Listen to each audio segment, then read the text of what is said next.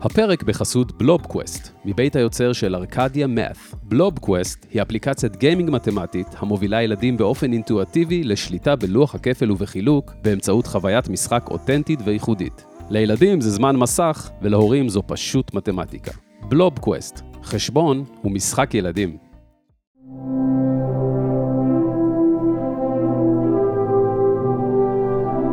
סיפורי השראה אמיתיים, עם אלון ברק וחגי גולדובסקי.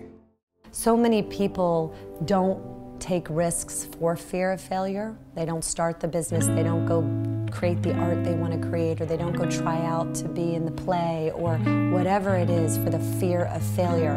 And once you redefine that for yourself and realize the failure is just not trying, then life opens up to you in many ways. עד גיל 27, לסרה בלייקלי לא היה בדיוק עתיד. היא מצאה את עצמה עוברת מעבודה לעבודה, בין היתר כמפעילת מתקנים בפארק של דיסני, כמוכרת של מדפסות ופקסים מדלת לדלת, על מנת לחסוך כסף עבור שכר לימוד לקולג' בפלורידה. אבל חכו שנייה לסוף, כי סרה היא אחת היזמיות הסלף-מייד המצליחות והעשירות בעולם. ללא שום רקע באופנה או עסקים, היא בנתה את אחד המותגים הכי חזקים בתעשייה. הרעיון לחברת הענק שהיא הקימה, ספנקס, נולד מתוך כאב אמיתי שהיא חוותה. שרה, שהייתה בתקופה לא טובה בחייה, הרגישה שהיא מתבזבזת כסוכנת מכירות, דור טו דור, לאחר שלא התקבלה ללימודי משפטים. ערב אחד, בו היא התכוננה לצאת למסיבה, היא נעמדה מול המראה כדי למדוד את מכנסי השמנת החדשים שהיא רכשה באותו הבוקר בשביל המסיבה. שרה חיפשה דרך שבה היא תראה בהם חטובה יותר. היא ניסתה ללבוש מתחת למכנסיים גרביונים, אבל לא הרגישה בהם בנוח, אז היא העדיפה לקחת את החלק העליון והמכתב שלהם.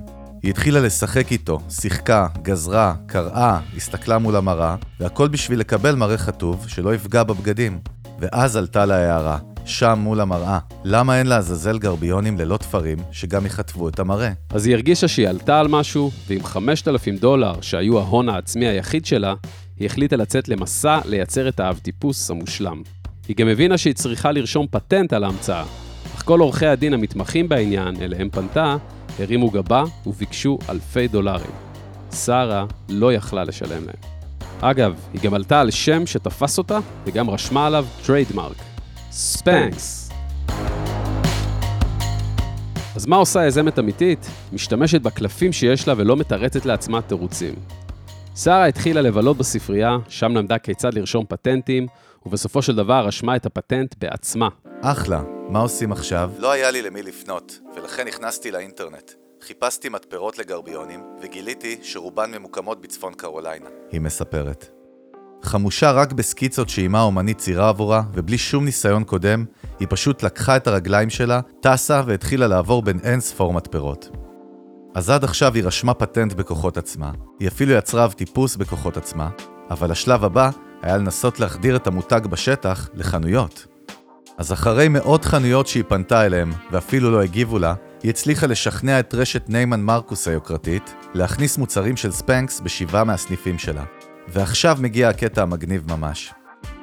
שרה, שידעה שאף אחד עדיין לא מכיר את המותג, ביקשה מחברות שלה, חברות אישיות, שיגיעו כלקוחות סמויים לסניף, והיא בעצמה הגיעה לסניף ומכרה להם את Spanx, על מנת שהלקוחות שמסתובבים בחנות ישמעו ויראו את הבאז על המותג החדש, וכל זה התבצע ממש כמו חוג דרמה בניסן נתיב.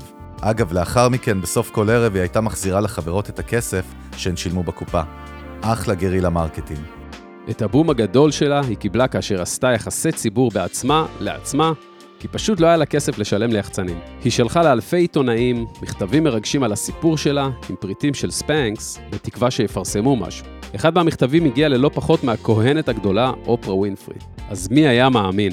אבל אופרה, שקיבלה אלפי פניות כאלו על בסיס קבוע, עפה על המוצר ועל הסיפור האישי של שרה ופשוט הרימה לה בפריים טיים. בתוכנית שלה, שהייתה בזמנו אחת הנצפות בארצות הברית. אופרה כל כך התלהבה ממכנסוני ספנקס, שהחליטה להכתיר אותם באותה שנה למוצר השנה בתוכנית. מפה לשם, המותג הפך לאחד ממותגי הנשים החזקים והעוצמתיים בארצות הברית. פסט פורוורד, לפני שנתיים, ספנקס נמכרה לקרן בלקסטון האגדית, שמנהלת ככה בקטנה 650 מיליארד דולר. אגב, שרה הובילה את העסקה בעזרת צוות של נשים בלבד. יש כאלה שמדברים על העצמה נשית, ויש כאלה שפשוט עושים משהו אמיתי בנידון. בזמן המכירה לבלקסטון, לספנקס היה רוב נשי של כמעט 80% בכל שדרות התפקידים. והיא הודיעה שכל עובדת תקבל שני כרטיסי טיסה מחלקה ראשונה לכל יעד שהיא תבחר, פלוס עשרת אלפים דולר. כל זה כחלק מחגיגות המכירה. שרה נחשבת לאחת הנשים הכי עשירות בארצות הברית סלף מייד. היא נבחרה לאחת ממאה הנשים המשפיעות בעולם של מגזין טיים, והיא ידועה גם כאחת מהתורמות הגדולות ביותר לעידוד וקידום יזמות נשית בעולם. אז מה היה לנו כאן? יזמית שלא יודעת פחד, יזמית שהצליחה להשפיע ולשנות תעשייה שלמה, למרות שלא היו לה שום קשרים או ידע מקדים, אבל כן היו לה ערימות של תעוזה, אמונה ותשוקה. אה, והכי חשוב, היא לא חיכתה שמישהו יעזור או יגשים לה את החלום. היא הבינה שהכל תלוי רק בה. וזה, חברים, סיפור השראה אמיתי. אם אהבתם את הפרק הזה, שתפו אותו עם חברים, עקבו אחרינו בספוטיפיי ובאפל פודקאסט, שם גם תוכלו לדרג אותנו בחמישה כוכבים, ואפילו לכתוב לנו תגובה. אנחנו היינו אלון ברק וחגי גולדובסקי.